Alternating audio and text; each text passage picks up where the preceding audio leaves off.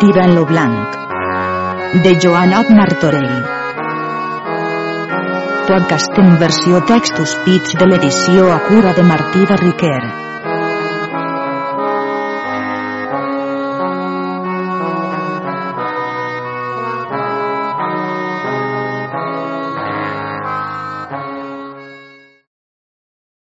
Episodi 3.2 Part tercera, tirant a l'imperi grec. Capítols del 122 al 130.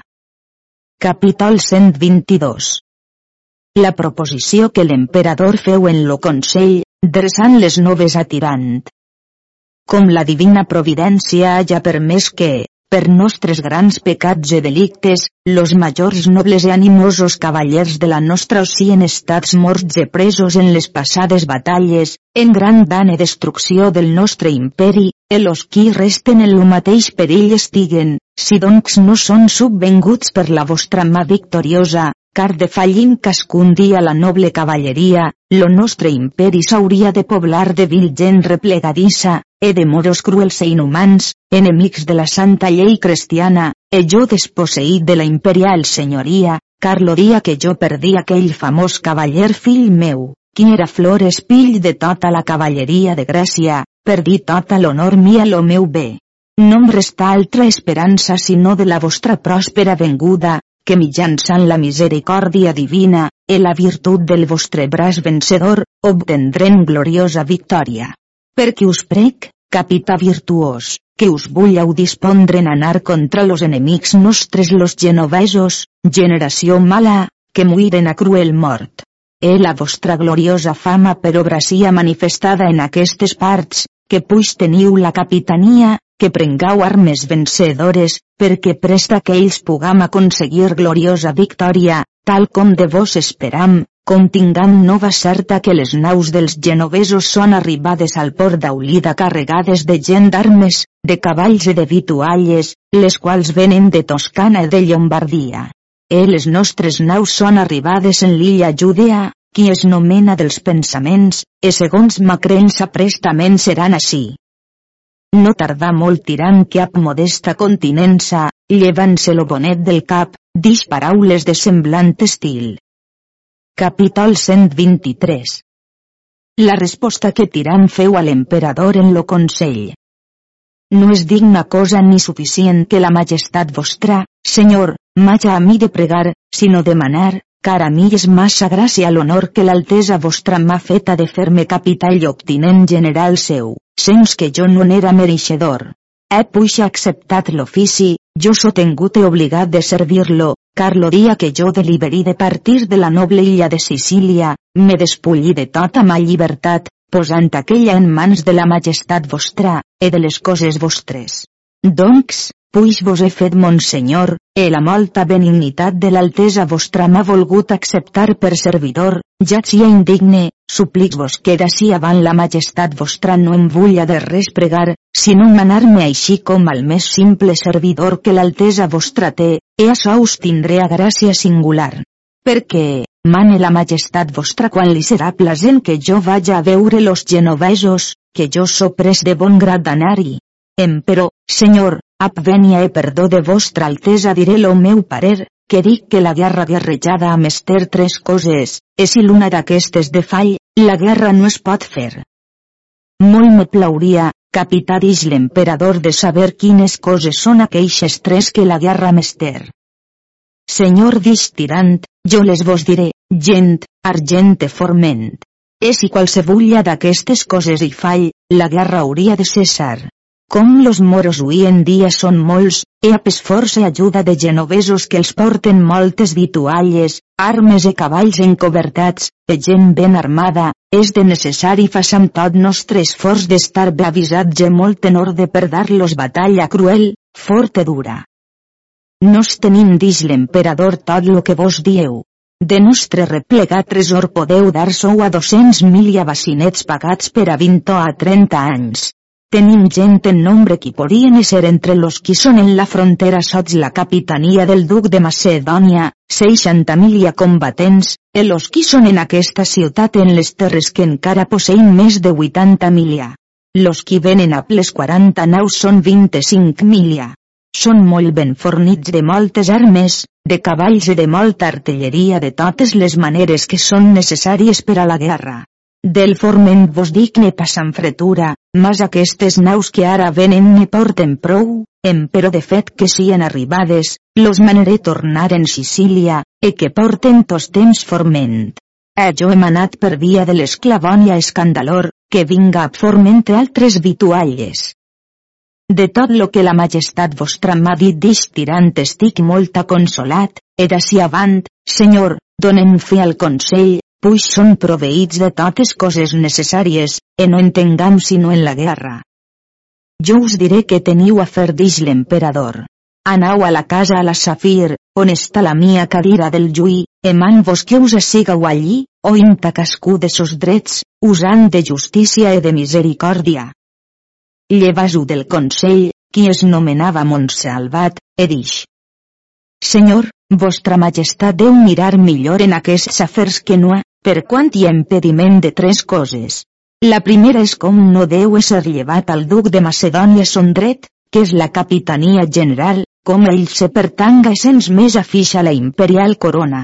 La segona és que no deu ser donat lloc com estrangera ja ofici ni benefici en l'imperi, majorment que si en de lloc o de terra no coneguda.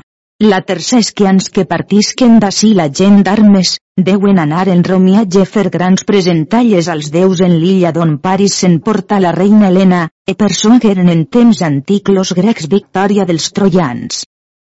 No pogué més comportar l'emperador les folles paraules del cavaller, sinó que ap molta ira se presa a dir. Capítol 124 Raons que fa l'emperador en lo consell contra un cavaller mal cristià.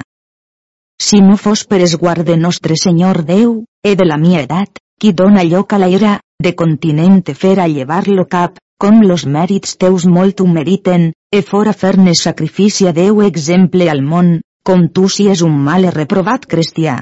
Perquè jo vull man que tirant, qui de present és capità nostre general, sia superior sobre tots los nostres capitans, per so com ell n'és mereixedor per la sua molta virtut e resplendent cavalleria.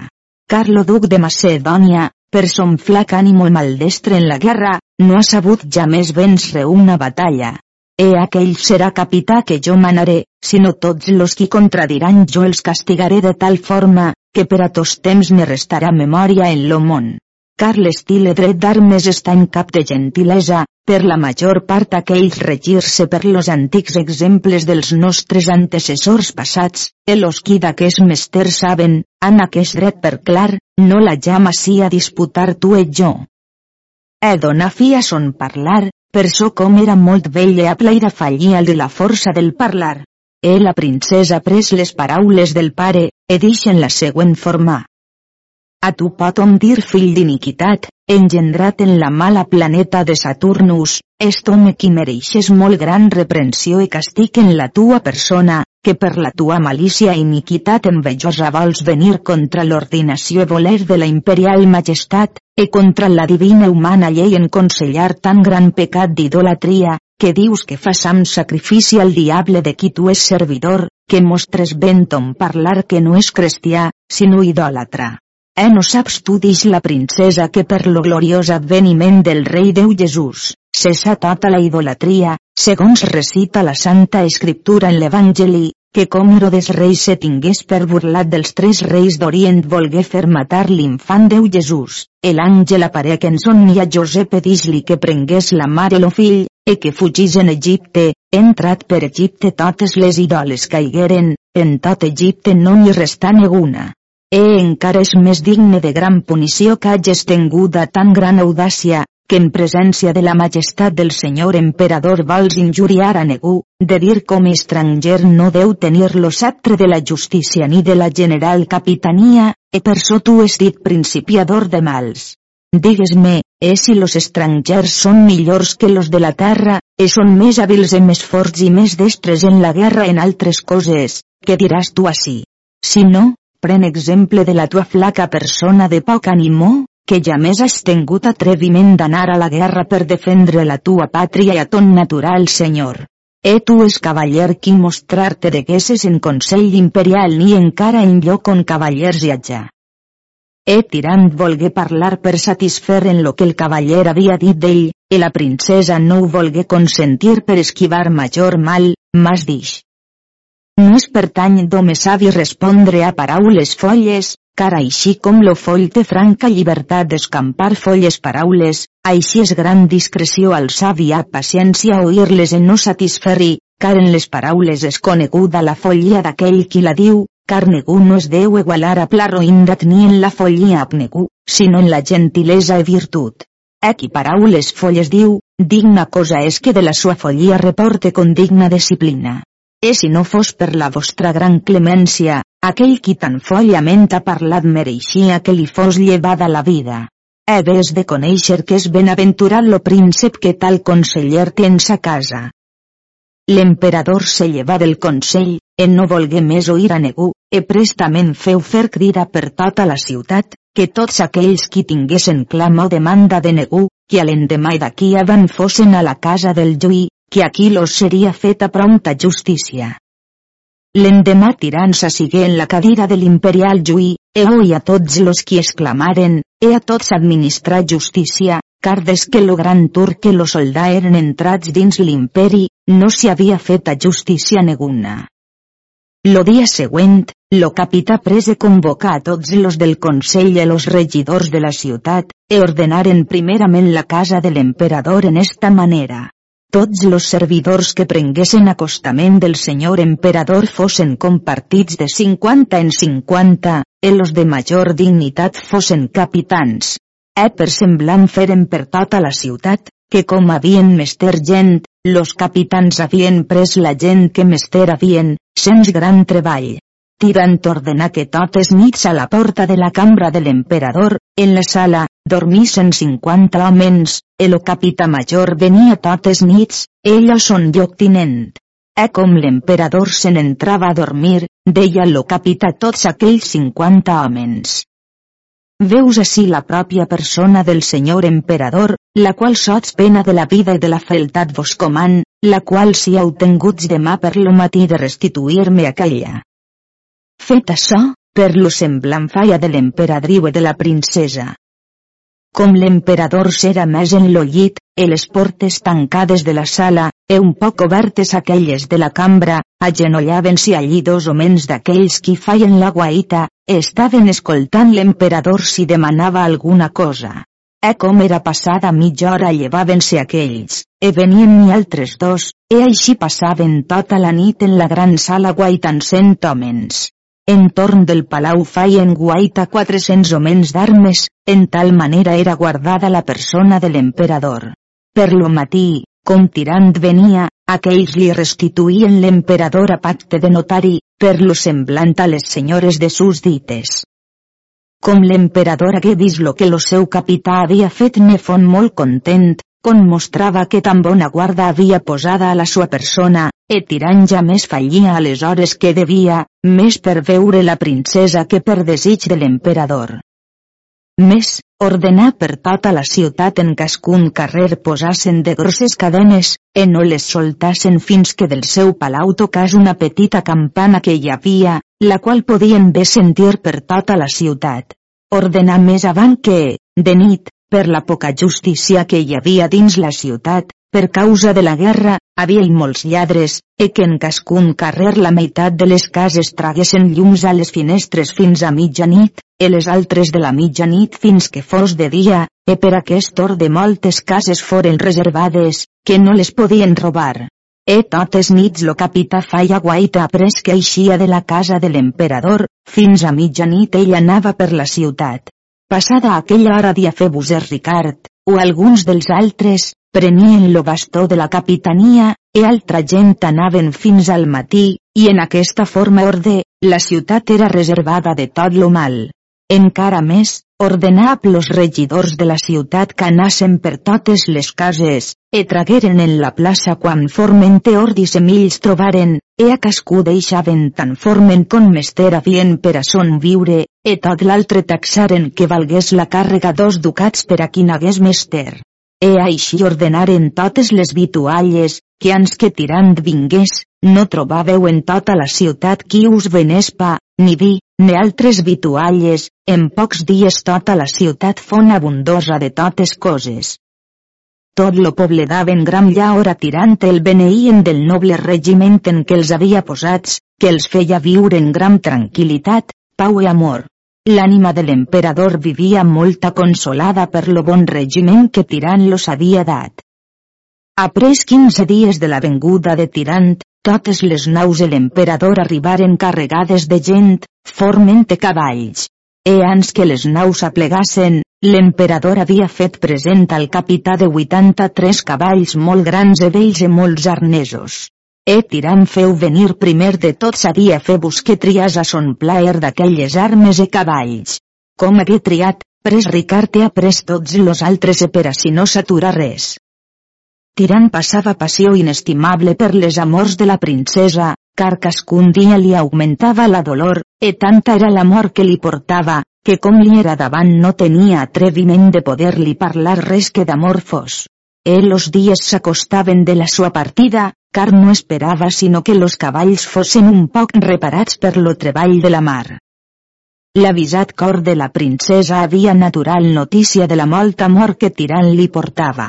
Tramés un petit patge a pregar a Tirant li fos plasent a l'hora del mitjorn venir al palau, que en aquella hora quasi tots los demés reposen, e que vingués a poca gent com tirant hagué rebut lo manament de sa senyora font posat segons lo parer seu en lo posal lloc de paradís, e prestament feu venir a Diafebus e manifestar-li l'ambaixada, e com volia que los dos hi anassen sens altra companyia. Dix Diafebus. Senyor capità, molt estic content dels principis. No sé la fi quina serà.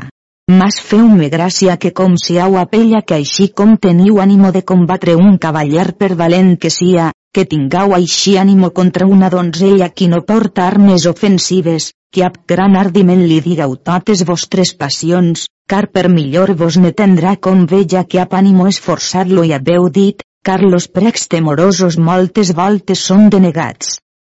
E venint l'hora del concert los dos cavallers pujaren al palau e ab suaus passos entraren dins la cambra de la princesa esperant haver esperança de victòria. Con ella los veu hagué gran plaer de la llur venguda llevas de peus e presa tirant per la mà e feu-lo seure prop d'ella. Eria febus presa Estefania per l'un braç a la viuda reposada per l'altre, e apartales a una part per so que oir no poguessin lo que la princesa li volia dir. La princesa baixa veu e ab gest afable feu principi a un tal parlar. Capítol 125 com la princesa dona consell a Tirant que es guarde les falses astúcies del duc de Macedònia. Deposada on estat la càrrega de temerosa vergonya, la noblea vostra no tinga per cosa deshonesta, ne a càrrec si a mi imputat, ne vici, si per ventura he presumit raonar-me a vos absanta i honesta intenció, dolem-me de la vostra molta virtut e noblea. Per vos ser estranger no volria que prenguésseu algú dan en la vostra virtuosa persona incogitadament, per so com se vos sou vengut en aquesta terra a pregàries del gran rei de Sicília, confiant en la glòria de vostres mèrits, no podent vos manifestar los perills que seguir-vos porien, perquè ell los ignora. Perquè, jo tinc compassió de la vostra noblea i virtuosa persona, tinc deliberat donar-vos consell de salut, e poreu haver notícia del gran profit que us ne seguirà si volreu dar fer en les mies paraules, ne regir-vos per mon consell, perquè ab triomfo i gloriosa fama pugueu tornar ab salvament a la vostra pròpia pàtria. La fi de les paraules de la princesa fon principi del parlar de tirant, que dix. Quan poré jo servir a la majestat vostra, senyora de tanta estima, que sens mèrits precedents, tanta gràcia de l'altesa vostra ja aconseguida. Sols lo record és massa per a mi, e ab devot cor fas humils gràcies i submissions a l'excel·lència vostra, que ab tanta virtut de caritat hajau volgut mostrar dolreus haver compassió de mi e de mos treballs. Eh perquè no em tingau per ingrat del bé que em feu. Jo accepte l'oferta com de senyora qui sobre totes les del món val, eus ne bese peus i mans, e m'obligué de seguir tot lo que per l'altesa vostra me serà manat. Car cosa és digne gran llaor e glòria, com lo do és donat sens demanar ni sens alguns mèrits, és acte de gran liberalitat, en això se mostra la vostra excelsa condició de ser més angèlica que humana.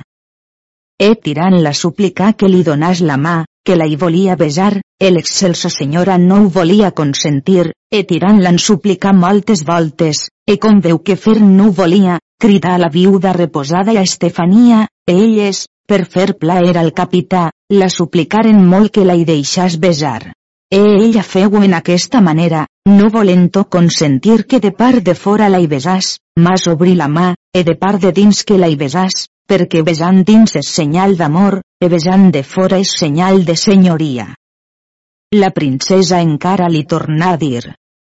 Cavaller benaventurat, pren esperit de consolació per excel·lència de les tues virtuoses obres, qui són gracioses e de tan resplendent noblea, que a nosaltres fan gloriejar de la nostra gran i alta senyoria, confiant per mà de la tua molta bondat cobrarem tot lo nostre imperi, car sabem l'excel·lència de la tua virtut e fama gloriosa quant és divulgada per les estranyes terres detenguda per manifesta e verdadera. És molta honor i glòria a la majestat del senyor emperador, pare meu, e a mi, qui so succeïdora de l'imperi grec en lo regne de Macedònia, qui és ja tot perdut, que per la tua ama victoriosa nosaltres pugam cobrar tota la nostra senyoria. E si per la tua excel·lent virtut podien ésser foragitats aquests genovesos, italians i llombards, ensems a plos moros, del nostre imperi regne de Macedònia, la mia ànima restaria consolada. Mas tinc dubte de l'adversa fortuna que no faça prendre alguna mutació a la imperial dignitat, car grans dies a què ens persegueix. Doncs, esperança del nostre bé, si tu amb voluntat sencera volies prendre aquestes coses per tues, e amb treball de tu e dels teus, e no denegares les mies pregàries, jo et promet donar-te tal premi que serà condescent segons la condició i virtut tua, car no sabràs res demanar que tot o en part atorgat no et sia. Empero Déu piadós i misericordiós te vull aguardar de les mans d'aquell famejant lleó, duc de Macedònia, home molt cruel envejós i molt destre sabut en actes de tració. E aquesta és la sua reprovada fama que ell més no mata negu sinó malament. E fama certa és que ell mata aquell valentíssim cavaller germà meu, car batallant tap gran ànimo contra los enemics, ell li vengué de part detrás e tallar-li les corretges del bacinet per so que li sortís del cap, e així fon mort per los moros. E per tal un tan gran traïdor com aquest és digne de gran paur, car en ell regnen tots los set pecats mortals, e no crec que ell puga fer bona fi. E per so, cavaller virtuós, vos aviseus consell que com sereu en la guerra que us guardeu d'ell, e no en fieu ni en menjar ni en dormir. E si aquestes coses a prudència guardes no les poses en oblit, en altra manera posaràs aguaïts a la tua vida. E ja com diga que la pena deu en seguir a aquells qui la meriten, em però no és novella cosa pagar los justs per los pecadors. Estant en aquests raons vengué l'emperadriu, que s'era llevada de dormir, e sigues prop d'ells e ab gran instància los demanà de què parlaven. La princesa respòs. Senyora, nosaltres parlam d'aquestes gens que dien que han portat los genovesos en ajuda dels moros, quan los poran fer eixir de la nostra terra. Qui ho pot saber dix l'emperadriu? La guerra compare jo a la malaltia del cos de l'home, que l'un dia està bé l'altre mal, l'un dia li fa mal lo cap l'altre lo peu, així és de les batalles, que l'un dia sereu vencedor i l'altre sereu vençut. Tantes foren les raons de l'emperadriu, que Tirant no pogué satisfer a les raons de la princesa. Com isqueren de vespres dix l'emperadriu. Anem a mostrar lo nostre palau al capità, com ell no haja vistes sinó aquestes sales i cambres qui són ací baix, e mostrarem-li lo replegat tresor de ton pare. Elles se llevaren. Tirant pres per lo braç a l'emperadriu, e diafebus a la princesa. Anant per lo palau veren molts vells edificis. Com foren a la torre del tresor la princesa obrí les portes per so com ella tenia totes les claus. La torre era tota dins obrada de moll blanc marbre, e historiada de subtil pintura de diverses colors tota la història de Paris e Viana, e tota la coberta d'ore d'atzur, que llançava molt gran resplendor. La princesa feu obrir setanta dues caixes totes plenes de moneda d'or, e altres caixes hi havia qui eren plenes de veixella d'or de les joies i abillaments de la capella que eren molt singulars i de gran estima. De veixella d'argent n'hi havia tanta que era cosa d'espant, que en una part de la torre n'hi havia un munt tan alt, una sobre altra, que plegava fins a la coberta. E la veixella que tenia l'emperador en la cuina tota era d'argent. Tirante dia Febus estigueren molt admirats del gran tresor que l'emperador tenia, que ja més tan gran riquesa no havien vista. Tirant aquella nit pensa molt en lo que la princesa havia dit, e d'altra part en lo que havia vist. Com lo dia fon vengut, feu tornar a fer altres banderes. El una feu pintar, sobre camper verd, cadenats d'or d'aquest llon que tanquen les portes, e era plena, tota la bandera, d'aquells cadenats, e deia lo mot. La lletra que està primera. En lo nom d'esta pintura. És la clau ab que ventura. Tancada té la darrera. E l'altra bandera feu fer tota vermella, e feu i pintar un cor papilletres llatines entorn de la bandera que deien, avis mea, sequere me, qui ha de carne mea ve l'aliena saciabote. Molt foren plasents a l'emperador i a totes les dames i als cavallers d'honor les paraules d'aquesta bandera. Après tirant tingués ment un dia en lo dinar de l'emperadriu i de la princesa que les aconseguís en taula. E tirant entrà per la sala, e com ell era servia de majordome de copa a l'emperadriu i a sa filla, com aquell era lo dret de capità que allà on era lo major cessava lo menor. Com tirant veu que ja eren a la fi del dinar dreçar les noves a l'emperadriu e suplicar la que fos de sa mercè li fes gràcia que l'altesa sua li volgués declarar una qüestió en què estava molt dubtós. L'emperadriu respòs que si ella hi sabia dar raó que ho faria de bona voluntat. Diga-me, senyora distirant, al cavaller, qual li és millor i més honorós, morir bé o morir mal, puix li és forçat que muira. E calla no dispus dix la princesa. O Santa Maria Val, eh quina demanda tan fort feu a la senyora ma mare, com si haja conegut açò entre les gens, que més val morir bé que mal. Puix forçadament li cové de morir almenys que diguen tots aquells qui ho sabran, certament aquest virtuós cavaller és mor com a valent cavaller. D'açò li daran molta honor si ve mor, que si havien a dir, o del malvat cavaller, com és mort vilment. Era si li ve molta infàmia i deshonor perpètua per a ell i els seus. Empero mirau los fets dels romans quanta honor i glòria aconseguien en lo món com honorosament morien en les batalles de defensió de la cosa pública. Aquells de llur glòria deixaven honorosa fama, e com tornaven a la ciutat de Roma, trencaven-li un gran tros de mur, entrava a gran triomfo, e com morien com a cavallers de poc animó, no se'n feia menció neguna. Així al parer meu més val morir bé que mal. Acabant la princesa les sues darreres paraules quan tirant donar de la mà en la taula i entre les dents dix que així seria, que escassament lo pogueren entendre, e sens dir res voltar les espatles i anassen a la sua posada. Tots estigueren admirats del continent que fet havia tirant. E no tardà molt que l'emperador fon en la cambra on era l'emperadriu e sa filla, e recitaren-li lo que tirant havia dit. Dix l'emperador. Jo tinc gran dubte que aquest cavaller no tinga en si alguna gran passió, o que no és penira perquè és vingut ací per ésser tan lluny de sa terra, de sos parents i amics, o per ventura no tema lo poder dels turcs, o d'altres inconvenients que seguir-se poden. D'aquests afers no em parleu a ningú ni em façau demostració neguna ni trametau per ell, car ans que la nit vinga jo ho sabré partis l'emperador de les dames i anassen un poc a reposar.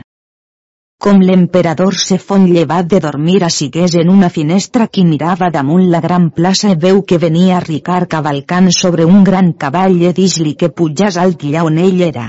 Com Ricard fon davant l'emperador feu-li gran reverència i l'emperador li dix. Cavaller, jo us prec per aquell amor que portau a la vostra enamorada, que em digau lo meu capità perquè està tan trist, con ne tinga tal relació. Senyor dis Ricard, qui es vulla qui haja dit tal raó a la majestat vostra no us ha dit a veritat? Ans, senyor, està molt alegre fa adobar les banderes i les armes.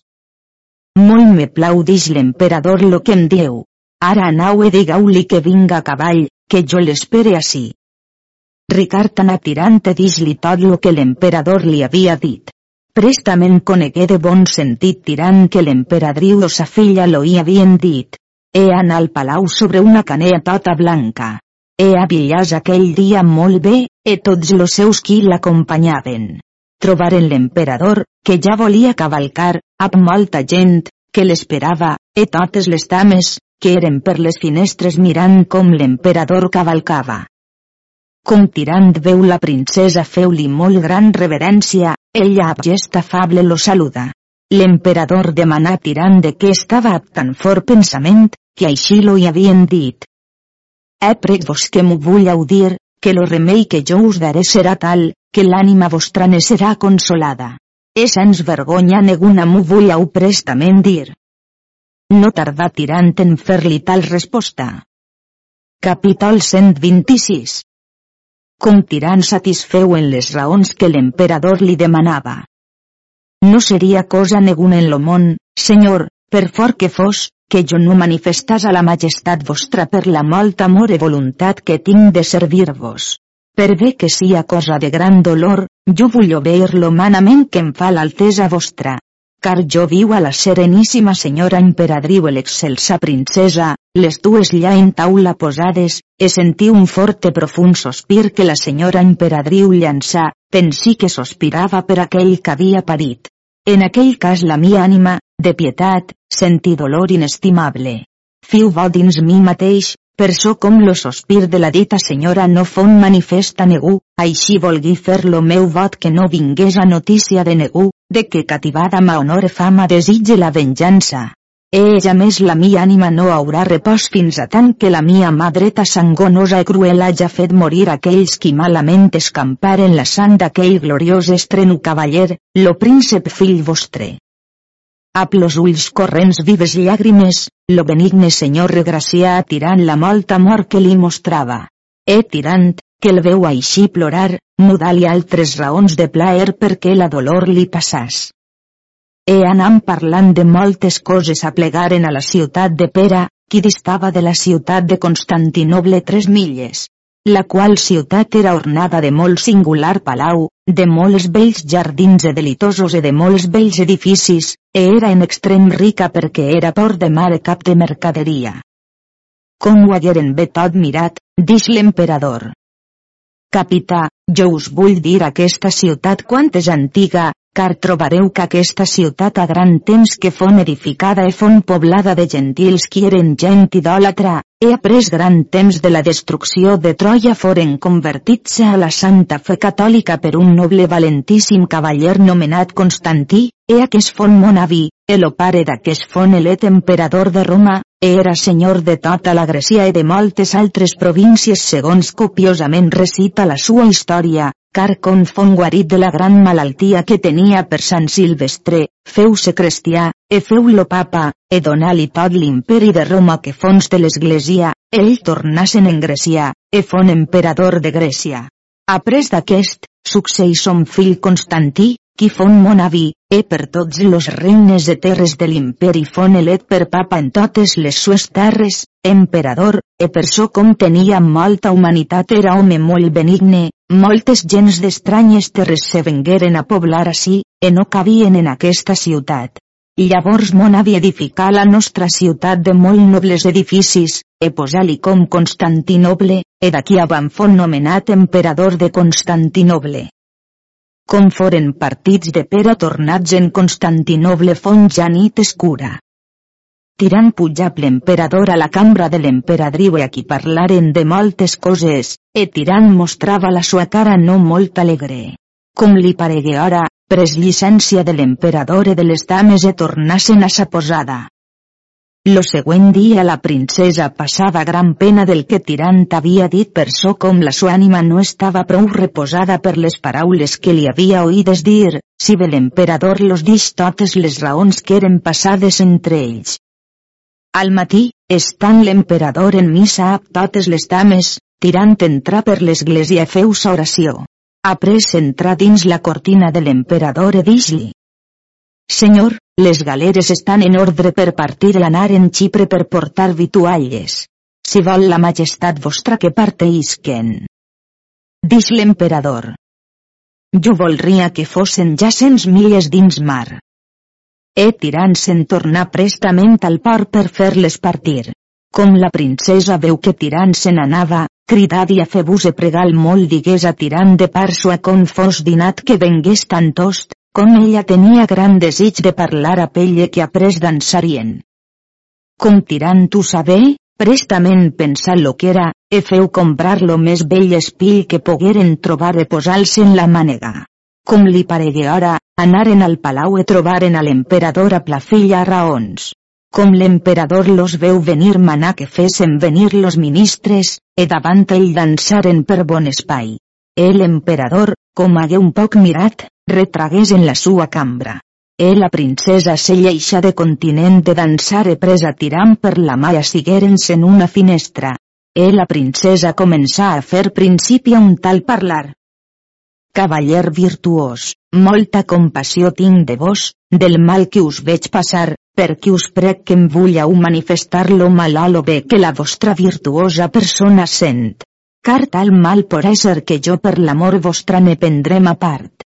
E si és bé, jo seré molta consolada que tot sia vostre. Així feu-me gràcia de prestament voler-m'ho dir. Senyora mal vull al mal com ve en temps de bé, e molt pus mal com per ell per lo bé, e de tal mal jo no em faria part a vostra altesa, que més l'amaria tot per a mi que no fer-ne part a negu. E de semblants paraules no se'n deu més parlar. Parlem, senyora, d'altres coses que si en de plaer d'alegria, e eixem-les de passió que turmenten l'ànima. Certament no és cosa neguna dix la princesa, per cara que a mi fos, e vos la volguésseu saber que jo de bon grat no la us digués, e vos a mir dir no m'ho voleu. Perquè us torna a pregar per la cosa que més amau en aquest món, que vos m'ho digueu. Senyora dix tirant, per mercè vos suplic no em vulleu fer tan fort conjuració, que tal, senyora, m'haveu posat al davant, que tot quan sé en aquest món vos diré. Senyora, lo meu mal pres serà dit, mas jo sar que prestament serà en les orelles de vostre pare això serà la causa de la mia mort. E si no ho dic també de dole dida tinc de morir.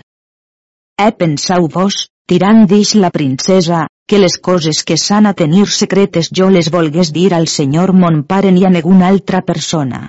No penseu que jo vaja vestida d'aqueixa color que vos pensau, perquè no tingau temor de dir-me tot vostre fet, car jo el tindré tancat dins lo meu retret secret.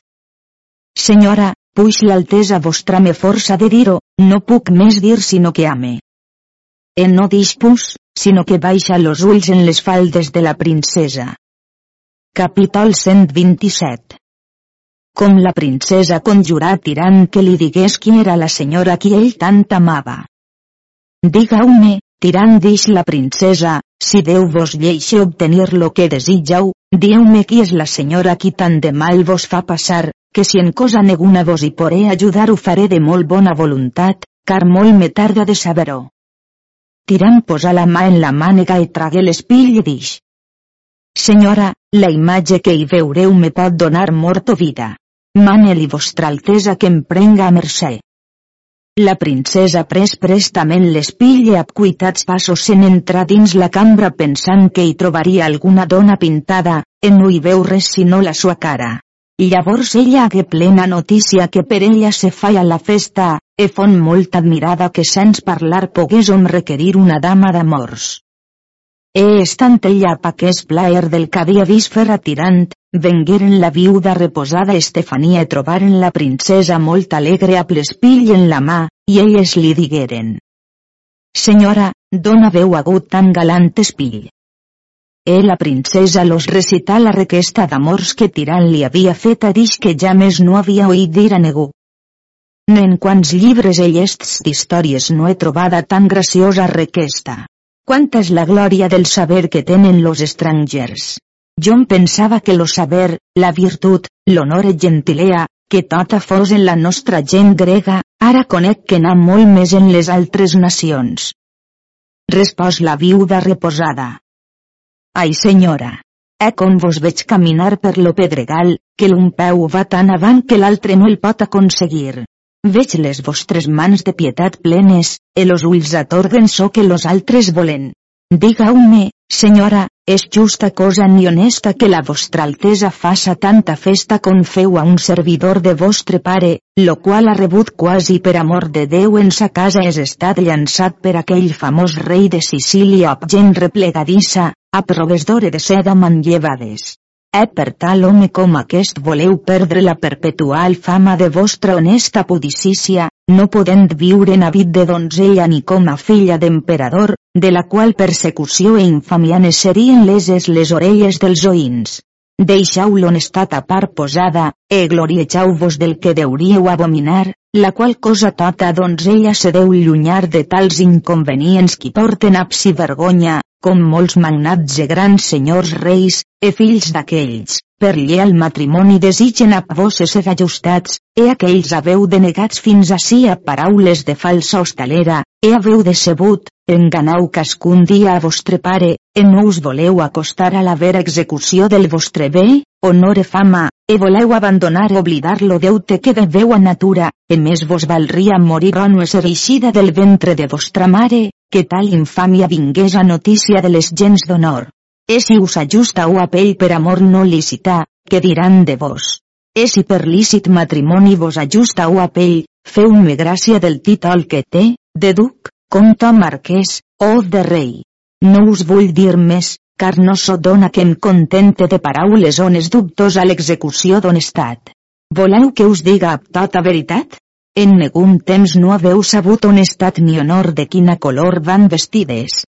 Aquesta és la poca coneixença que vos teniu, e molt millor vos seria, ma filla, morísseu amant honestat que vergonyosament viure. He donar fi en son parlar. La princesa estigué molt alterada de les paraules que la viuda li havia dites, e quasi plorant se'n entrar en lo seu retret, Estefania pres d'ella, dient-li que no es devia tant congoixar, aconhortant-la en la millor manera que podia. No és for plaga aquesta dix la princesa, que jo sia subjugada al pare a la mare, encara sens causa neguna sia represa per la vida qui m'ha lletada. Què faria ella si m'hagués vista fer alguna cosa deshonesta? Jo crec que ab crida ho haguera publicat per tota la cort encara per la ciutat. Esperança tinc en Déu que la sua malvada llengua deshonesta i maldient, acompanyada d'injurioses blasfèmies, que jo li'n faré passar con digna pena. Qui em faria a mi estar dix Estefania, per temor de pare, de no dansar e festejar segons a nosaltres, donzelles cortesanes, és dat. Com si a cosa acostumada com les donzelles estan en cor se tenen a molta glòria que sien amades e festejades, com tinguen tres maneres d'amor, soes, virtuosa, profitosa i viciosa. La primera, que és virtuosa i honorosa, és quan algun gran senyor, infant, duc, comte marquès, qui serà molt favorit i cavaller molt virtuós, si aquesta l'ama una donzella, a ella li és molta d'honor que totes les altres sàpien que aquest dansa junt no entra en batalla per amor d'ella, e fa fets honorosos de renom i fama, ella lo deu amar perquè és virtuosa d'amor virtuosa. La segona és profitosa, e aquesta és quan algun gentilhome o cavaller d'antic llinatge molt virtuós, amarà una donzella ab donatius la induirà a sa voluntat, en no l'amarà sinó per son profit, tal amor a mi no plau, que tan pres com lo profit cessa, l'amor de fall.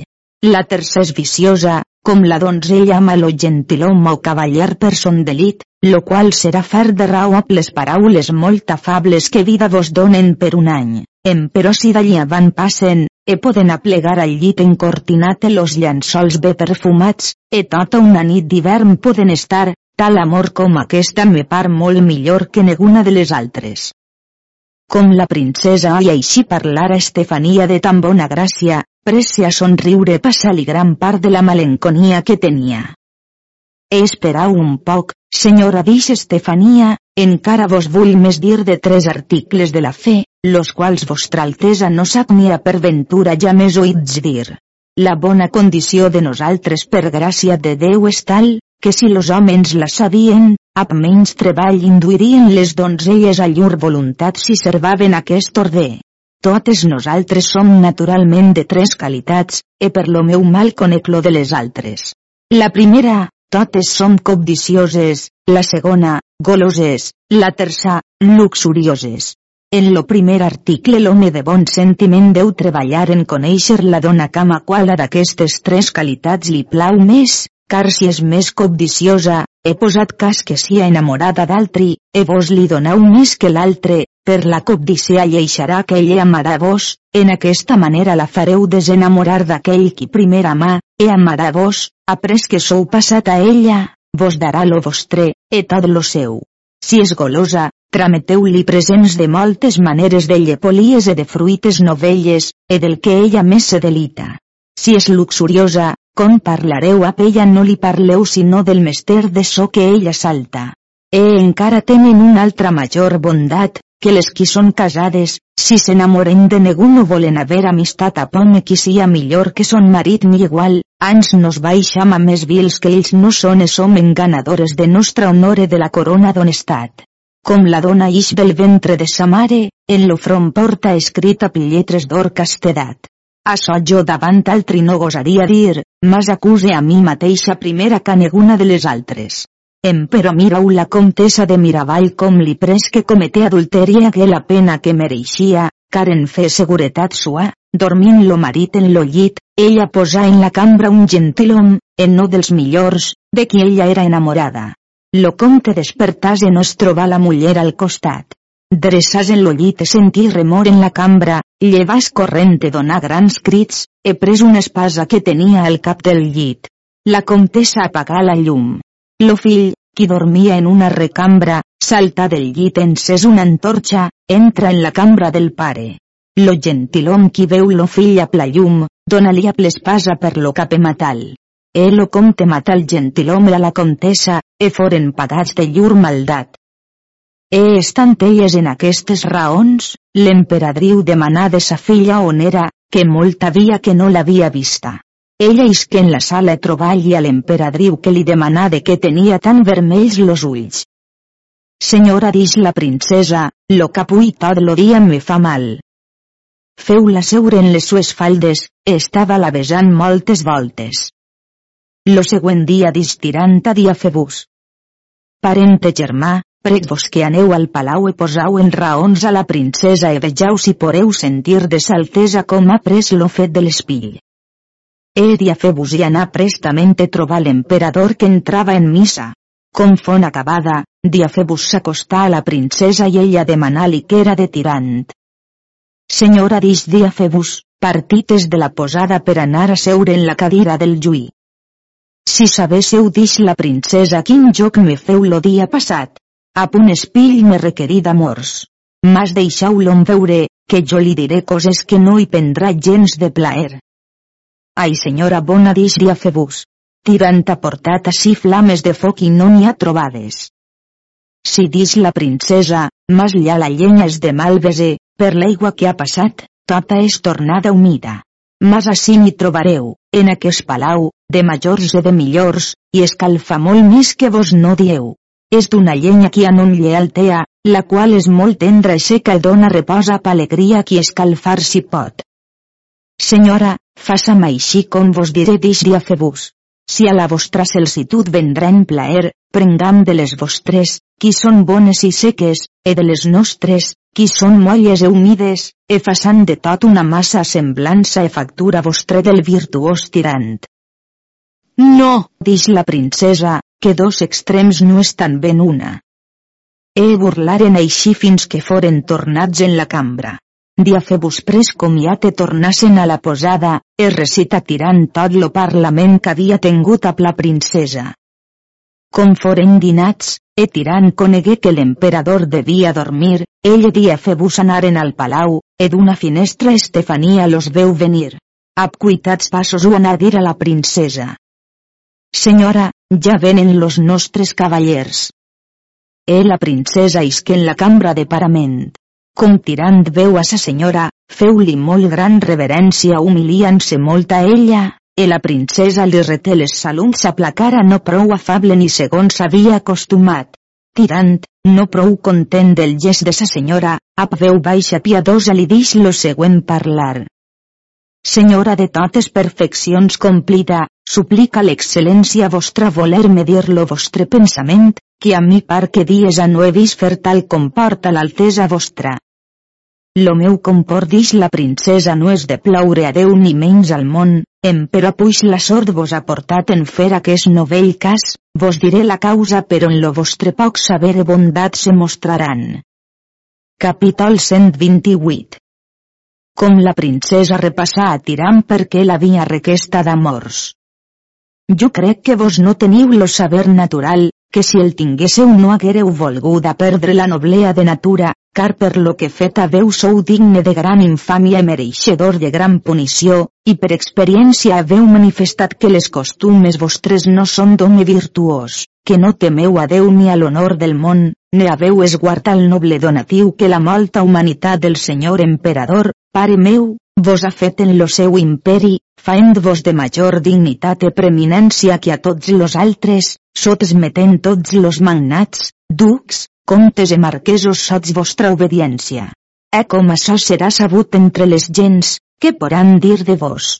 Que la filla de l'emperador, qui és posada en tan gran dignitat, si estada requesta d'amors per lo seu capità, lo qual ell d'extrem amor amava i fiava, e la sua persona los béns a mesa en salvaguarda e custòdia vostra, e a mi, qui so succeïdora de l'imperi.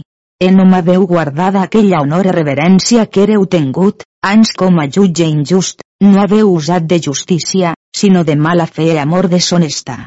Oh capità, tan grande falta veu com és contra la majestat del senyor emperador, pare meu, e contra mi.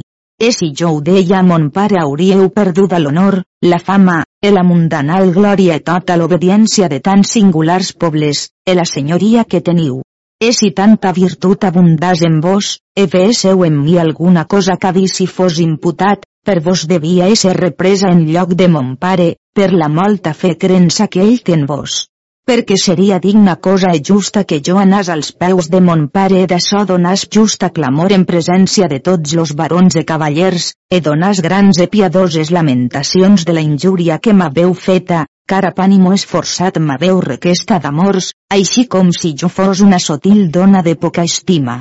E llavors tota gentilea coneixerà que la llengua vostra raona lo que no teniu al cor, en tal cas jo hauré premi de victòria, per bé que los galants e cortesans no em diran que jo sí estada victoriosa, per so com ho hauré dit a pare o a mare en presència de molts. Mas poré dirà tota veritat que haveu girat lo mantell de vostre honor sens guardar reverència a la imperial corona. Això serà notori a tot lo món, car gran és l'ofensa que m'haveu feta. Ell vas del seu estrado per voler-se'n anar dins la cambra. E com tirant veu que se n'anava, ap cuitats passos anà de vers ella e pres la del manto e suplicar la fos de sa mercè lo volgués oir. E tan la suplica Estefania, e Diafebus, que la feren tornar a seure, e tirant feu principi a paraules de semblant estil.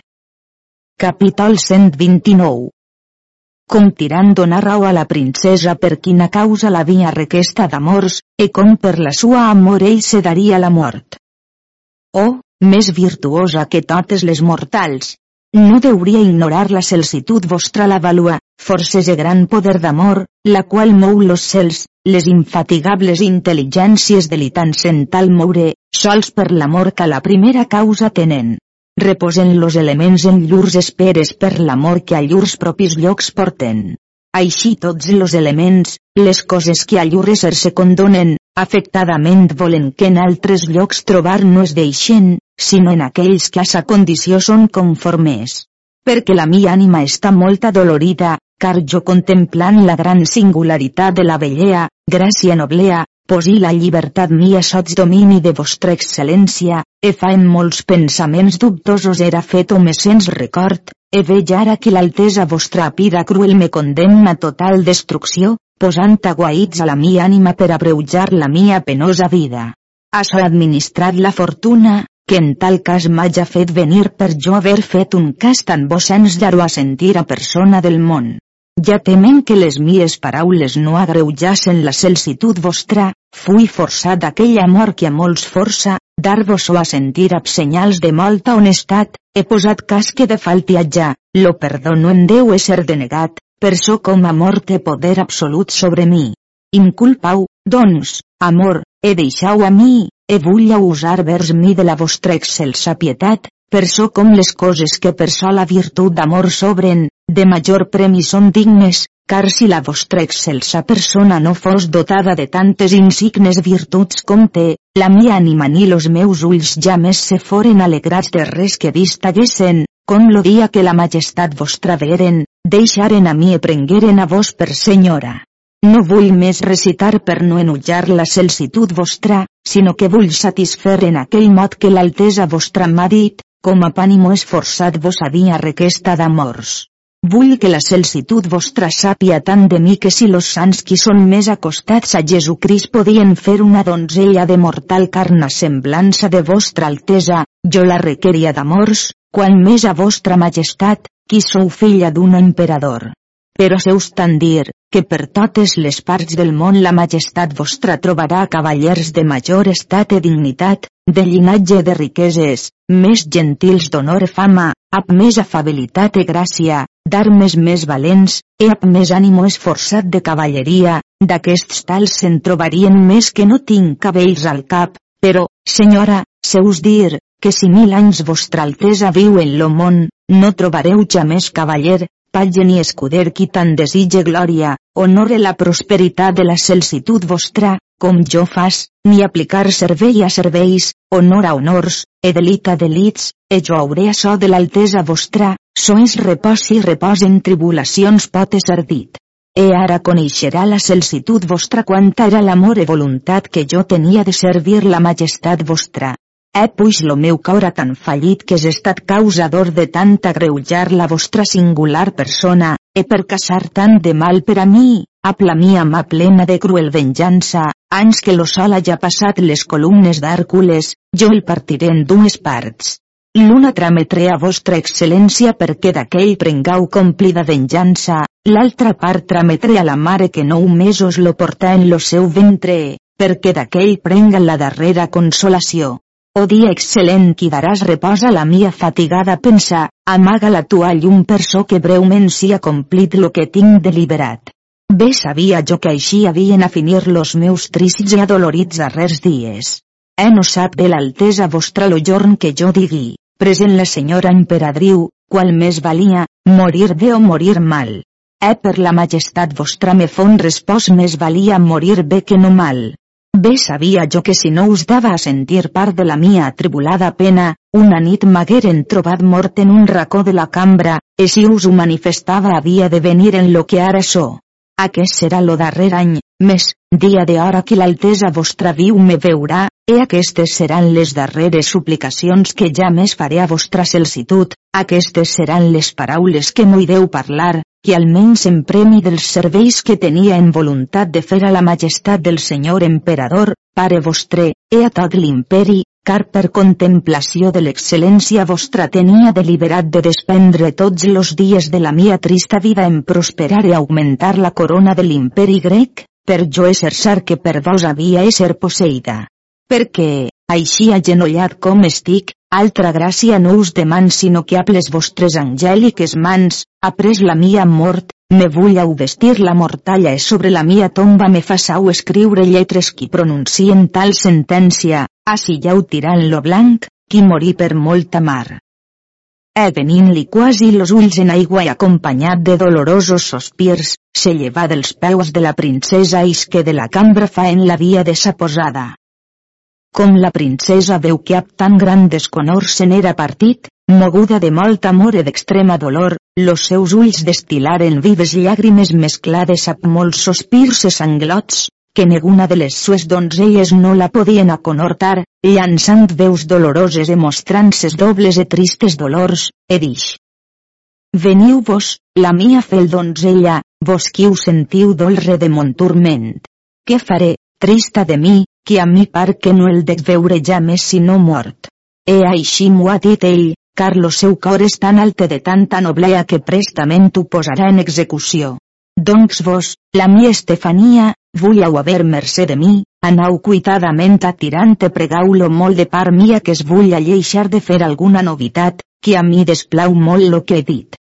Oh miserable de mi que, posat cas que m'en penida, em però fetue, lo plaer que hi havia pres en dir-lo i, en açò seré jo feta desplacent a tirant.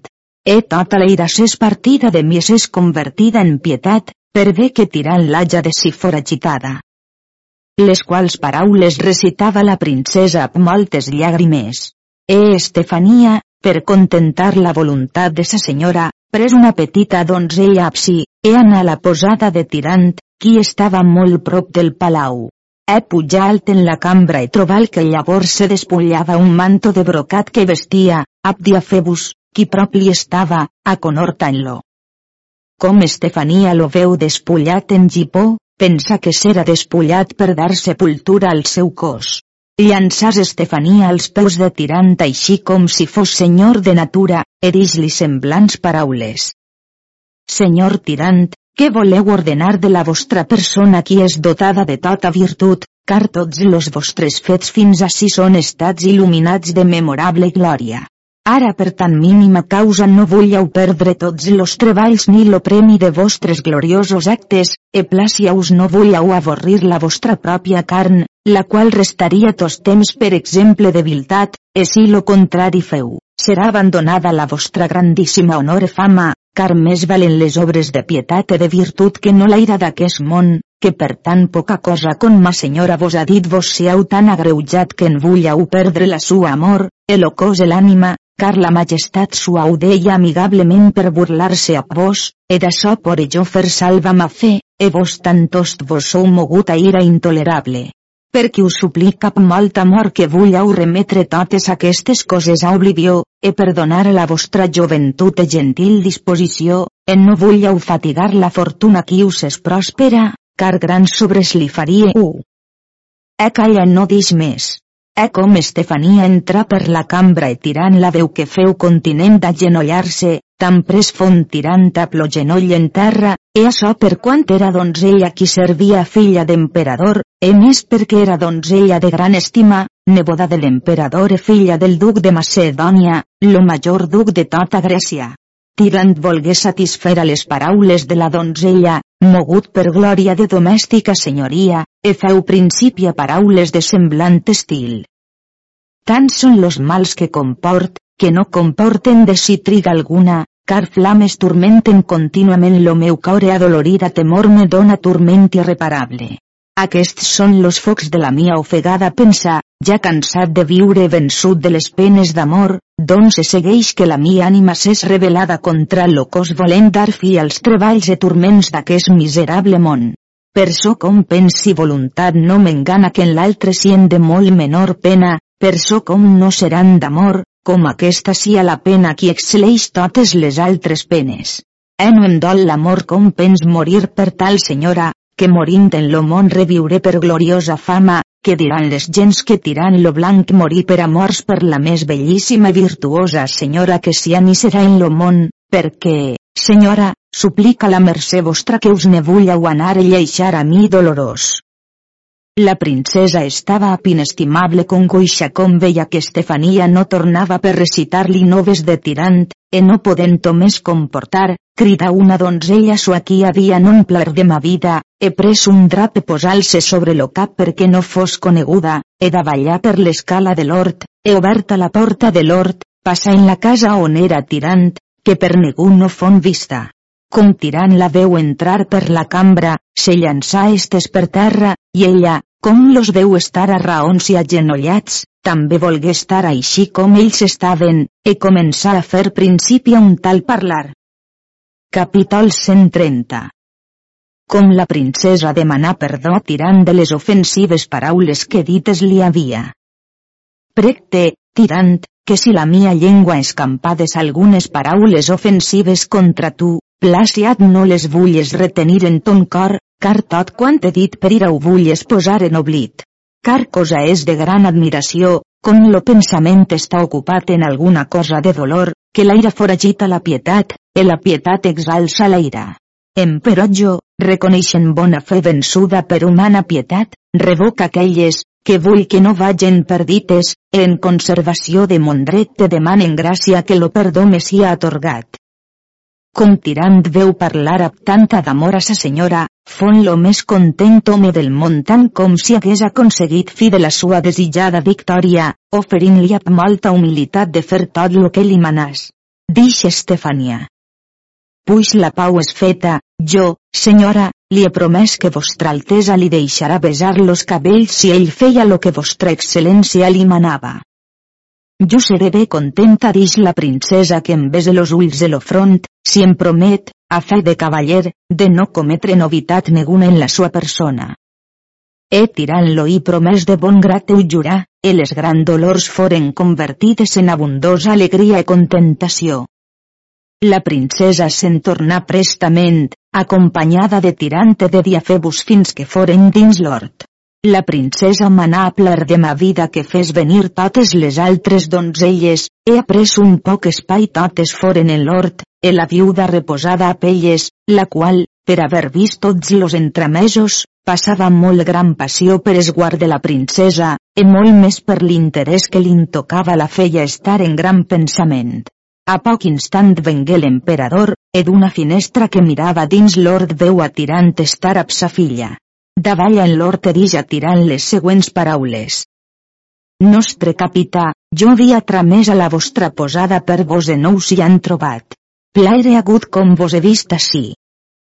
Senyor dix tirant, jo havia demanat de la majestat vostra, e havien-me dit que vostra altesa dormia, e per no despertar aquella era vengut ací a aquests altres cavallers per dansar o haver algun deport.